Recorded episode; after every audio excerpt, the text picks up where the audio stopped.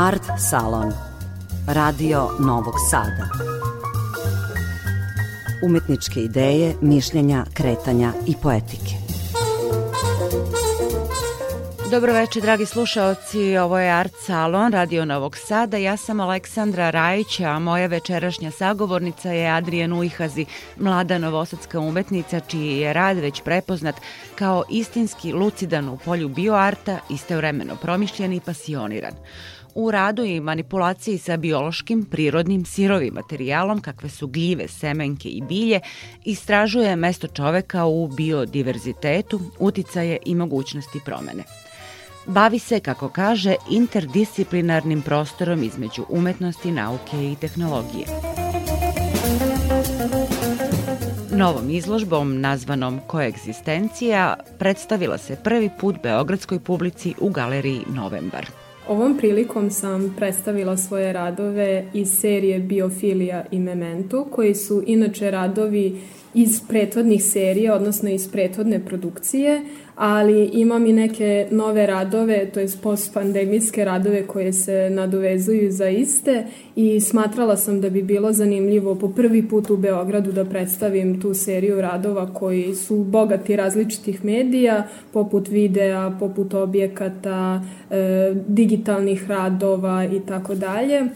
Da se oni malo bolje upoznaju sa ovom specifičnom tehnikom i pristupom prema stvaranju umetničkih dela i zapravo pod nazivom koegzistencija sam tela nekako da usmerim publiku e, da malo dublje posmatraju moje radove ne samo kao delo, umetničko delo, estetsko delo za sebe, nego da vide zapravo konkretnu materiju, odnosno od čega nastaje i da prikažem čitav taj proces e, od prvog jel, početka kako ja razmišljam o radu, koji je to koncept, kontekst i procedura do finalnog produkta. E sad, koegzistencija konkretno aludira na to da moji radovi su od bioloških materijala, znači od e, zdravih, da ističem, zdravih bakterija koji se nalaze u kombuhi, pošto uzgajam e, gljivu kombuhu, odnosno skobi, to je simbiotska kultura bakterija i kvasca i koegzistencija između čoveka, prirode, mikroja, bakterija i tako dalje se dovodi do nekih uh, pitanja ili odgovora, to već zavisi isto od e, same publike, a ja isto volim više pitanja da postavljam, a ne da dajem odgovore. Ali ja bih rekla da tu ima i koji egzistencije između dve tehnike, dva načina rada, dakle one tih vaših e, živih radova i onog dokumentarnog materijala, odnosno naravno umetničkog artefakta koji vi na kraju proizvodite, a to su e, digitalni printovi, e, fotografije, video radovi i tako E, dalje. Među vašim radovima pretpostavljam da je publici svakako najzanimljiviji bio taj vaš e, živi rad, odnosno bioart, ako tako može da se kaže, tako zovu zapravo kritičari. Vi ste mlada umetnica, ali već koliko vas pratim, već godinama zapravo istražujete te nekonvencionalne umetničke e, materijale i metode. To su prirodni materijali, to su neka živa tkiva, to su semenke, to su, rekli ste, neke gljivice, neke bakterije, već ne znam e, o čemu je reč. U čemu se zapravo sastoji ta vaša intervencija na njima i Kako ih kasnije transponujete u taj e, finalni umetnički rad, odnosno u tu dokumentaciju kojim završavate, pretpostavljam, ono što počnete? E sad, pa počevši od toga konkretno za ovu seriju radova koji su na izložbi, to sam i... To su stari radovi, to, da? E, pa nisu baš stari, ali je sličan metod. U smislu stariji radovi su u pitanju pod nazivom da je biofilija, je glavni naziv za jednu seriju. To su e, svetlosne kutije. E sad, kako ja dođem do tih svetlosnih kutija? Znači, prvo ja uzgajam materijal, skuvam čaj, uzgajam tu gljivu. Kroz određeni period to raste, dobije se određena debljina tog materijala i naknadno kada sam ja zadovoljna, onda to vadim i perem. Znači imam poseban tretman kako to radim i potom sušim. E sad ta dehidra, dehidratacija je opet drugačiji metod od ostalih zato što e, materijal je jako fragilan. Znači puno prašine može da se prilepi, dodatno da se ubuđa. Tako da tu isto treba mislim, treba da budem oprezna i treba više vremena. Ali rekli ste neškodljiv materijal, neškodljiva gljiva, bez obzira što radite s njom i što udišete taj prah, tako? Pa ima masku svakako, Aha. znači to, to je isto jako je ostala. Da, da, maska je ostala u svakom procesu radi ne daj Bože nekih situacija, ali mislim to se redko inače dešava. Nije to sad da se svaki put jel, to desi, da se ubuđa ili tako nešto, a inače mislim buđ e, kao takav se pojavljuje i na ostalim živim materijama poput ako koristimo, ne znam, naranđu ili limun, pa ostavimo pa se ubuđa. Mislim, te vrste buđi se pojavljuju u suštini i na ovoj gljivi. Da, u čemu ste zapravo otkrili estetiku u tom mikrosvetu, u tom kako izgleda? Pa to zapravo je meni bilo jako fascinantno na početku, šta taj mikrosvet, mislim kako taj mikrosvet može da izgleda, što mi zapravo svojim očima ne vidimo i onda kada posle određenog vremena dalje to fermentacija ili da stavljamo te neke prirodne materijale u malo drugačije i kontekst i okruženje, drugačije se pojavljuje, drugačije se neke stvari manifestuju. I ja te momente, segmente fiksiram. Znači to je sad isto pod upitnikom da ću ja moći na kraju taj materijal da iskoristim ili ne. Ali zato postoji taj memento, e, serija tih digitalnih printova gde sam ja obeležila te momente, ali nije nužno da ti momenti su baš prisutni na tim minijaturama. A šta je finalni proizvod? Finalni proizvod jeste sam, sam umetničko delo. Znači, pričamo o minijaturama ili o, o tim objektima svetlosnih kutija, ali ja lično smatram i finalnim produktom i već digitalne printove za sebe. Finalni proizvod, vrlo uslovno govoreći, jer kod vas je reč zapravo jedne procesualnosti Tako u umetničkom je. aktu. Tako je. E sad, e, ovako kako pričate, čini se da zapravo ste napravili iskorak e, iz umetnosti, istražujete Dakle, ne samo te ekološke probleme o kojima ste govorili, čoveka, odnos čoveka i prirode, nego prosto i druge vrste nauke, biološke, tehnološke, kakve nama informacije dajete, odnosno kakve ste vi sami sebi i, i, i u shvatanju sveta dobili informacije iz te drugačije vizure? Pa, apsolutno sam saznala dosta zanimljivih stvari, to naravno upoznavajući nove kolege koji su biolozi, mikolozi i tako dalje, mnogo toga sam saznala, na primjer, o pečurkama, kako se, na primjer, oni uzgajaju, kakvi uslovi su neophodni i tako kako se hrane, kako eventualno komuniciraju i tako dalje. To su vrlo dragoceni momenti što meni takođe može da pomaže u produkciji a takođe se i to prikazuje i na samoj izložbi. Znači, na primer, e, imala sam baš jedan rad gde su baš isprintani nalazi, znači kada smo koristili e, kombuhu, direktno gljivu i našu vodu, to jest iz Beograda vodu sa česme, kako to koegzistira, mm -hmm. kako to reaguje. Da li mi možemo, eventualno ako napravimo kombuhu, da samo stavimo to u vodu iz česme, da ili ne. Znači, to su ta neka pitanja koje su bili meni, na primjer, za početak zanimljivi i da nađemo neki odgovor, eventualno da ili ne. E, to je, na primjer, jedan detalj, ali takođe Bilo Ali imali ste i sa Dunavom, jel da? Imali ste Dunavskom vodu, ste radili svoje vremena. Tako je, mislim to je bilo vrlo očigledno i očekivano mm. ako ja koristim vodu iz Dunava, pomešam sa veoma fragilnim materijalom gde samo vazduh može da utiče, da se ubuđa, da će se tu nešto intenzivno da se desi, jel? da ima neku vrstu reakcije i to verovatno će biti buđ. Ili da prosto ne bude nikakve reakcije i da se sam materijal, kako da kažem, umire.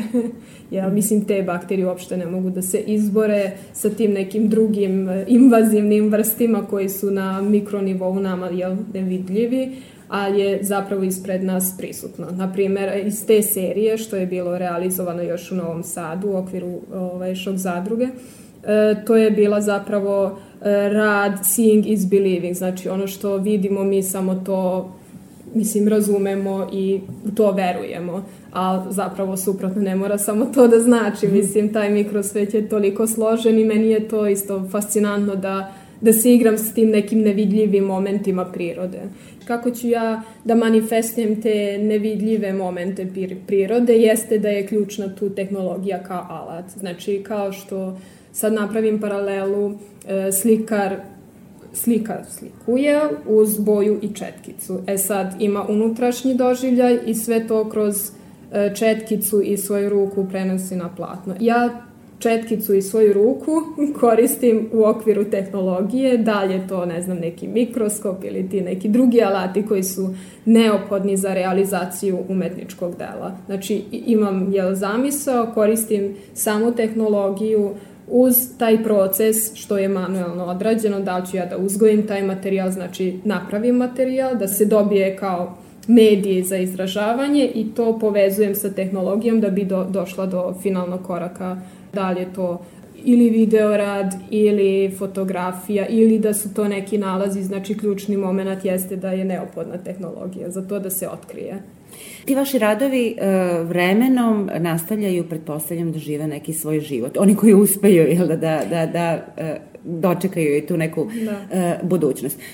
Svaka umetnost u suštini ima svoj život nezavisni od stvaraoca, nezavisno naravno i ona koja je posmatra i umetnost zapravo e, sama o sebi najispravnije e, svedoči. Međutim, ipak kako teorijski, e, filozofski, ontološki artikulišete e, svoj rad? Gde su vam uzori, gde su vam izvori neki utice i neke inspiracije? Mm -hmm. Pa inspiracija kreće prvo od najbazičnijih stvari. Znači, nije nužno da je to nešto vezano za umetnost, nego nasuprot. znači, više inspiraciju crpim iz svoje okoline, tipa odnos između ljudi ili odnos čoveka prema prirodi kao prema biljkama, odnosno prema hrani ili prema samom okruženju kao što je voda, da kakav odnos imaju ljudi, na primjer, u Novom Sadu sa Dunavom i tako dalje. To su, na, za, na primjer, men, za mene inspiracija, od čega krećem da postavljam različita pitanja između tih odnosa. Da li je to nešto dobro, loše, etički prihvatljivo, nije moralno i tako dalje. I naravno i nama ostavljate posmatračima da o tako tome je, razmišljamo. Tako je, tako je. I onda na kraju iz toga crpim kontekst za jedan rad. Znači svakako u ovom periodu koristim ovaj biološki materijal skobi, što, o čemu smo pričali, kao medijum. Znači, kroz to reflektujem e, svoje, neke, svoje neka mišljenja i koncepte i tako dalje, ali to nije nužno da ću ja sad to isto zauvek. Možda ću da koristim neke druge organske materijale za sledeći put. To je sad opet... Razmišljate o nekim materijalima pa, već? Za sad još ne, pošto bi volela još više da uronim i tehnički drugačije da predstavim još skobi, pošto smatram da postoji još tu potencijala, ali svakako negde u bliskoj ili tu negde u budućnosti, sad ne bi da garantujem za godinu, dve, tri, da ću da koristim možda neki potpuno drugi materijal ili ću da povežem s ovim ili skroz u nekom drugom highlightu, odnosno... Ja, zapravo, zanima me ako nije tajna, jel istražujete već neke mhm. materijale? Um, pa još je na početku, znači sad sam na stadiju mugljiva. Mhm. -huh. Tako da ćemo da vidimo u kom smeru će to da ide, zato što teško je sa ovakvim prirodnim materijalima unapred ustanoviti šta bi moglo da bude, nego volim taj moment da komuniciram direktno sa materijalom, na primer, ako ja to krećem da uzgajam šta će se desiti i taj proces me vodi da, da. u realizaciju jednog rada. Znači ne bi baš da diktiram ja sad neki proces da ako uzgajam nešto to mora da bude e, slika mislim, ne, ili bilo koji objekat, nego će možda biti, mislim, dobit ću inspiraciju da napravim nešto potpuno deseto. Materijal vas zapravo povede kao Tako u ostalom je. bilo kog umetnika, kao i klasičnog slikara, da, a ne da, samo... Da, da, da, da. Tako da u tom smislu E, nema tu, mislim, u pristupu ra razlike, samo po tehnologiji, znači po realizaciji je to malo drugačije i taj finalni produkt po sadržaju je drugačiji. Jel komunicirate sa kolegama u svetu zapravo, odnosno imate li saznanja o tome kako, je, kako se u svetu razvija ta vrsta mm -hmm. bio arta, ako tako da, da, da, da, da, da, da. Pa vidite, mislim, u svetu van Srbije postoji bio art. Postoji u Evropi, postoji u Americi i tako dalje. I meni je baš, mislim, osjećam tu ulogu da bi bilo super da se i kod nas malo to živi. I bilo bi čak i zahvalna situacija da se ti umetnici sastave u jednu celinu, da funkcionišemo zajedno, pošto trenutno se malo i usamljeno osjećam u toj ulozi da vučem taj konac, ali dobro, mislim, verujem da kroz određeno vreme će tu biti još još više takvih umetnika, pa da sarađujemo, na primer, možda će neko neki drugi materijal da koristi. E, da, vezano za bioart, znači u Evropi je to zastupljeno i između ostalog ako je neko nije znao, Slovenija je najzeleniji grad, odnosno Ljubljana i država u Evropi. Znači oni su dobili tu titulu, znači oni su jedan od tih najboljih u tome, vezano za bioart, konkretno mogu da ističem, to je Kersnikova institut. Ovaj, I oni se isto bave produkcijom umetničkih dela, imaju svoju laboratoriju i tako dalje. Između ostalog postoji naravno i Finska, u Helsinkiju ima udruženje koje se zove Bio Art Society i ima i još nekim drugim zemljama poput Španije ili Engleske i tako dalje. Ne sjećam se da smo to viđali ovde u Novom Sadu, e, e, da li je teško e, manipulisati tim umetničkim delima, da li ih je teško dopremiti recimo na neku izložbu? Da, mislim, postoji određena procedura i održavanje tih radova. Sad opet zavisi da su to neki fiksirani radovi ili su živi radovi u kontekstu... Koji nastavljaju da rastu. Da, na primer, pa ne, ne samo da rastu, nego da se ti nalazi ili žive gljive, mikrobi i tako dalje da se razmnožavaju. Znači, ako konkretno pričamo o nekoj instalaciji gde uključujemo neku pumpu, alge, to je bukvalno kao akvarijum ako imamo ribice treba da održavamo, ako je takva postavka u pitanju i onda to su veoma fragilni momenti gde možda za postavku je neophodna neka stručna osoba poput naučnika i naravno umetnik je isto potreban da prisustuje da bi se to sve sklopilo. Sad ako nije indiskretno da kažem slušalcima Radio Novog Sada i naše emisije da je i vaše telje prava mala urbana E, džungla, ove biljke i saksije oko vas, jesu li deo eksperimenta ili samo deo ljubavi vaše prema biljkama? Da, pa ovo je deo moje ljubavi, inače, mislim, ovo je moje intimno okruženje ovde i svi su dobrodošli koji su zainteresovani u takozvani studio vizit ili da pričamo o bilo čemu, tako da zapravo svako ko dođe kod mene u atelje bi volela da se osjeća kao kod kuće, a zapravo što se nalazimo u ovakvoj urbanoj sredini gde nažalost je manje zelen, zeleniša, ja imam potrebu da budem okružena biljkama i prirodom i tako dalje i da vodim takođe računa o njima i da vidim kako rastu i to isto meni je veliko zadovoljstvo. E sad, mlada ste umetnica, a iza vas uh, je zaista mnoštvo i samostalnih izložbi i kolektivnih izložbi i projekata, nekih akcija i ja mislim da uh, moramo evo na kraju razgovora da pomenemo i uh, vaš projekat Biofabrika. Hmm Dakle, to je još jedan način na koji e, manifest, manifestujete svoja shvatanja o umetnosti i o, naravno o svetu oko sebe. O čemu je reč?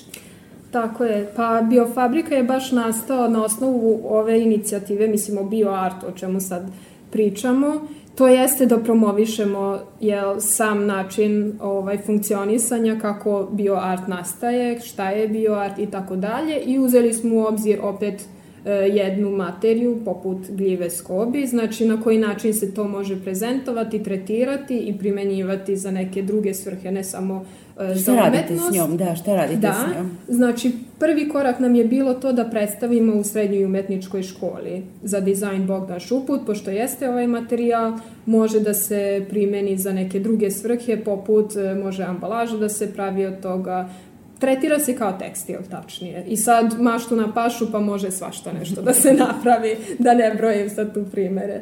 Ovaj, tako da smo to predstavili učenicima i oni su se bukvalno bili zadovoljni na kraju tog programa i napravili smo i anketu i oni su dali svoje odgovore vezano za e, teorijski deo, za praktični deo i šta oni misle za budućnost, da li je to nešto što bi njima bilo isto korisno i da bi voleli tako nešto da pohađaju.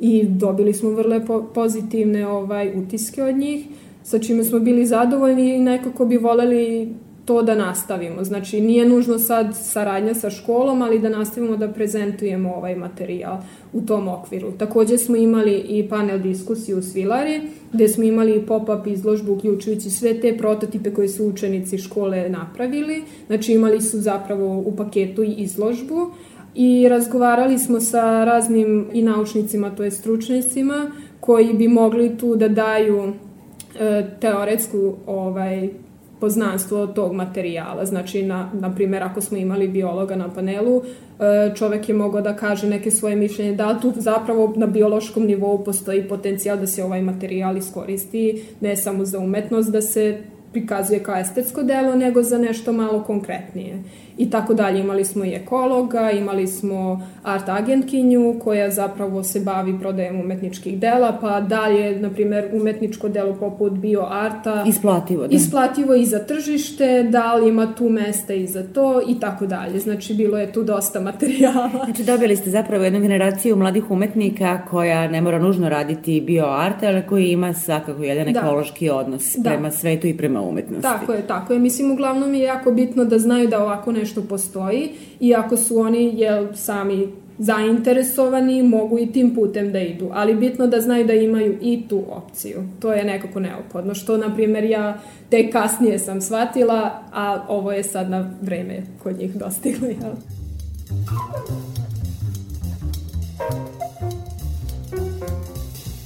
Gošća art salona bila je Adrijan Ujhazi, novosadska multimedijalna umetnica.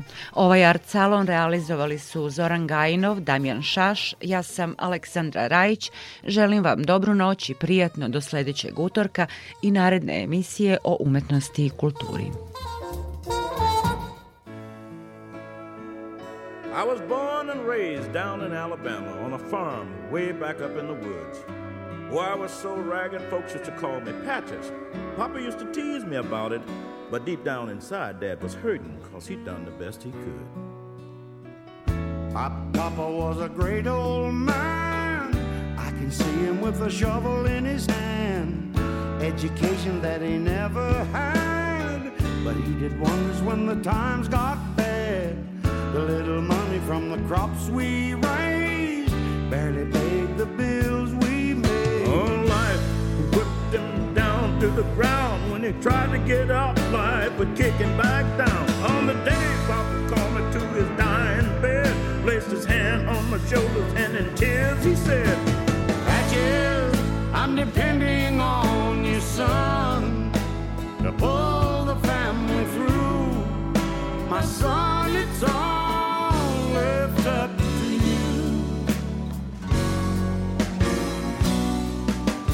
Two days later, Papa passed away. I became a man that day. So every day I had to work the fields, cause that's the only way we got our meals. See, I was the oldest of the family, and everybody was depending on me. Now years have passed and everybody's grown. Mama's been living in a brand new home. Lord knows it took a lot of sweat and tears, and my daddy's forced to help us through the years. He said, Patches, I'm depending on your son to pull the family through. My son, it's all left up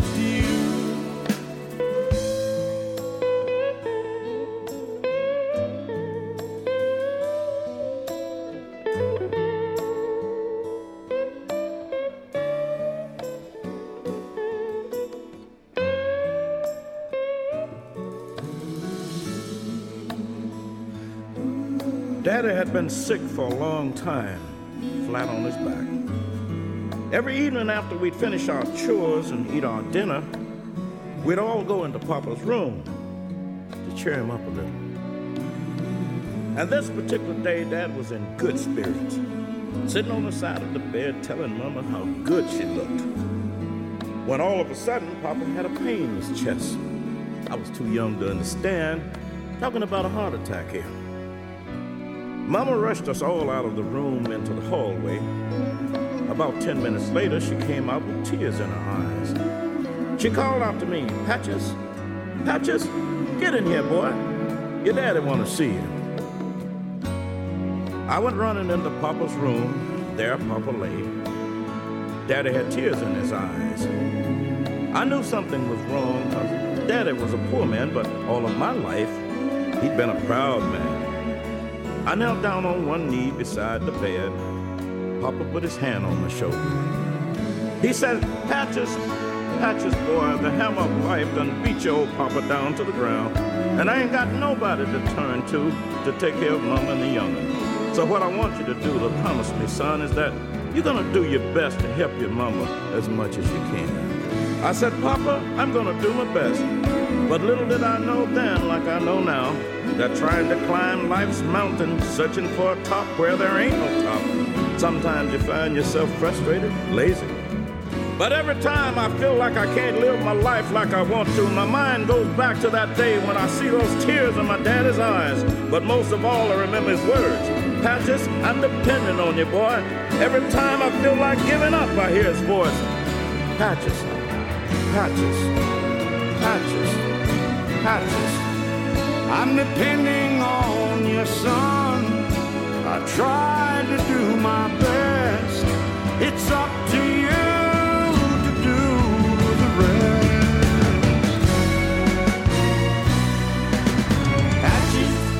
I'm depending on you, son. I've tried to do my best. It's up